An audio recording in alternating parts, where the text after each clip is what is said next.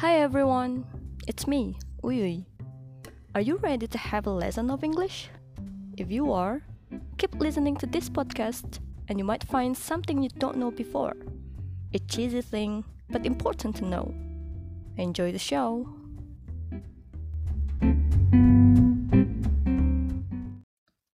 Check, check. One, two, three. Hello everyone. Welcome back. How are you doing? This is episode 5 of Say It podcast. Um in today's episode we are going to talk about something simple like what like what I put on my title of my podcast. It's toodle-oo. What do you think it is? What do you think the meaning of toodle-oo? How to say toodle-oo in daily conversation? Well, um, to be honest, this is something new for me because I've just found it a couple days ago.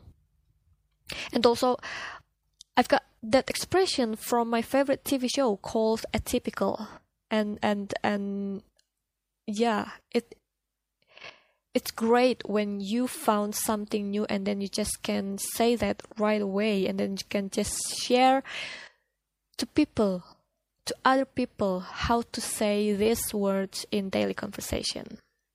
As a usual, I'm I am going to I I mean I am going to show you a clip where Toodle-oo has been found. So here we go. What's going on? What are you up to, you rat? Nothing. I'm just giving Paige a series of random and impossible tasks to prove that she's reliable. That sounds dumb and mean. It is. And I'm gonna crush it. That's the spirit. Now. Bring me a live pig. What? Toodle-oo.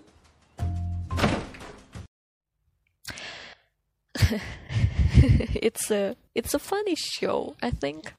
I like it. I love all the characters on on this TV show. It's lovely. I suggest you to watch this TV show. Maybe for some part of it, it's not really recommended because it has a little bit issue, but mostly it has been a lovely TV show. I love it. So, um, what do you think it is? What do you think the meaning of Toodle-oo? How do we say Toodle-oo in daily conversation? So, according to Google, when I found this word, I just Google it to know the meaning of Toodle-oo. And wow, for me, it's a cute word to say because it's like it's like I don't know, Toodle-oo is something cute. so according to Google, Toodle-oo is goodbye in another way. As a human, when we are trying to finish our conversation, yeah, normally we are going to say, okay, I gotta go. See ya. Okay, I gotta go. See you later. We are going to meet tomorrow, right? See you later. I'll see you in a while. And when I found this word, it's it's way simpler. Toodle-oo. Like, or maybe in French we can say au revoir, or hasta la vista in Spanish.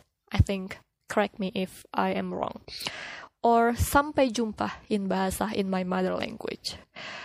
Um, but most of people say bye or goodbye when we are trying to finish our conversation, right? So that's all for the for this episode. I hope you get something new and I hope you love this word as much as I do because oh my god, this is cute word. Oh, oh, and also toodle-oo, beside toodle-oo, we can say toodles. T O O D L E S. Toodles. This is um uh, selain dari toodle-oo itu kita bisa sebut toodles. Okay, I gotta go. Toodles. it's cute, right? That's all for today. I hope you guys like this episode because I really like this lesson so much. um, as a usual, I am going to post this clip on Say It Podcast Instagram, which is Say It Pod.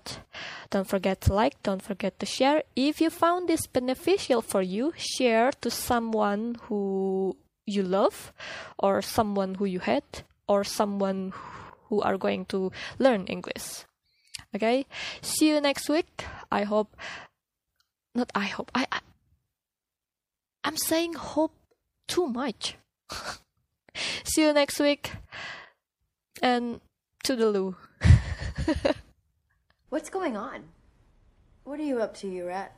Nothing. I'm just giving Paige a series of random and impossible tasks to prove that she's reliable. That sounds dumb and mean. It is. And I'm gonna crush it. That's the spirit. Now. Bring me a live pig. What? Toodle-oo.